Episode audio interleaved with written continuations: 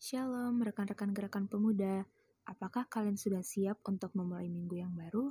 Apakah rekan-rekan sudah mengucap syukur untuk hari ini? Marilah kita luangkan waktu kita sejenak untuk mendengarkan sate urat. Namun sebelum itu, mari kita bersatu di dalam doa. Ya Tuhan Yesus, terima kasih untuk segala berkat kasih karunia dan juga anugerah yang telah kau limpahkan kepada kami sampai dengan hari ini. Ya Tuhan, terima kasih juga untuk semua hari-hari dan juga minggu-minggu yang telah kami lalui dengan baik. Tuhan, saat ini kami ingin melaksanakan saat teduh sejenak melalui sate urat. Kiranya firman yang rekan kami bawakan dapat kami dengarkan dan juga renungkan dengan baik. Kami juga berharap ya Tuhan, apa yang kami dapat hari ini dapat kami jadikan pedoman untuk kehidupan kami. Ini saja doa anakmu, dalam nama Tuhan Yesus kami sudah berdoa dan juga mengucap syukur. Amin. Rekan-rekan, bacaan Alkitab kita pada hari ini terdapat dalam kitab 2 Korintus 8 ayat yang ke-10 sampai dengan yang ke-12 dengan judul Rela Berbagi. Inilah pendapatku tentang hal itu yang mungkin berfaedah bagimu. Memang sudah sejak tahun yang lalu kamu mulai melaksanakannya dan mengambil keputusan untuk menyelesaikannya juga. Maka sekarang selesaikan jugalah pelaksanaannya itu hendaklah pelaksanaannya sepadan dengan kerelaanmu dan lakukan itu dengan apa yang ada padamu. Sebab jika kamu rela untuk memberi, maka pemberianmu akan diterima. Kalau pemberianmu itu berdasarkan apa yang ada padamu, bukan berdasarkan apa yang tidak ada padamu.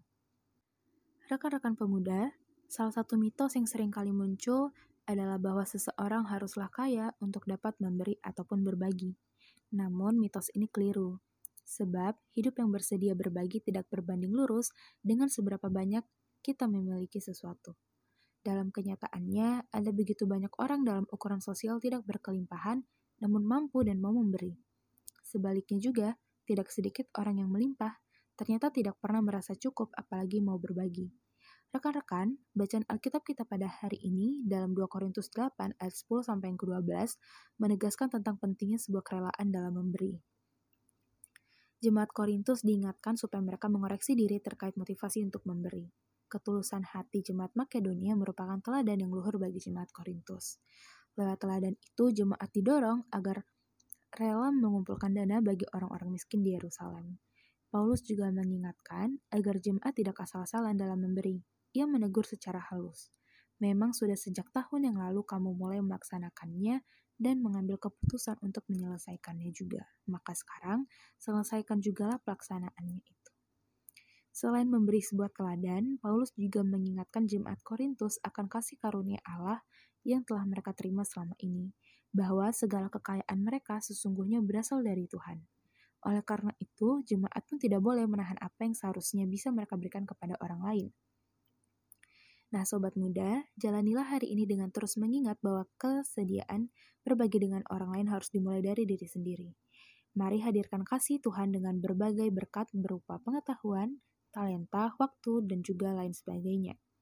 Bagikanlah apa yang kita miliki kepada sesama dan lihatlah bagaimana orang lain bisa dikuatkan melalui pemberian kita dan pada akhirnya nama Tuhan pun dipermuliakan.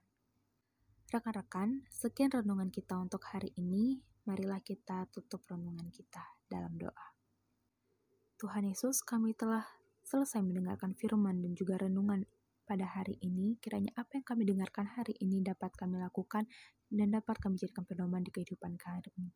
Kami memohon berkat-Mu ya Tuhan, agar kami dapat menyelesaikan segala aktivitas kami sampai dengan di penghujung hari kiranya Engkau selalu memberkati kami dan juga melindungi kami. Ini saja doa anakmu, dalam nama Tuhan Yesus kami sudah berdoa dan juga mengucap syukur. Amin. Terima kasih rekan-rekan semua yang sudah mendengarkan renungan hari ini. Sampai ketemu di renungan selanjutnya. Tuhan Yesus memberkati.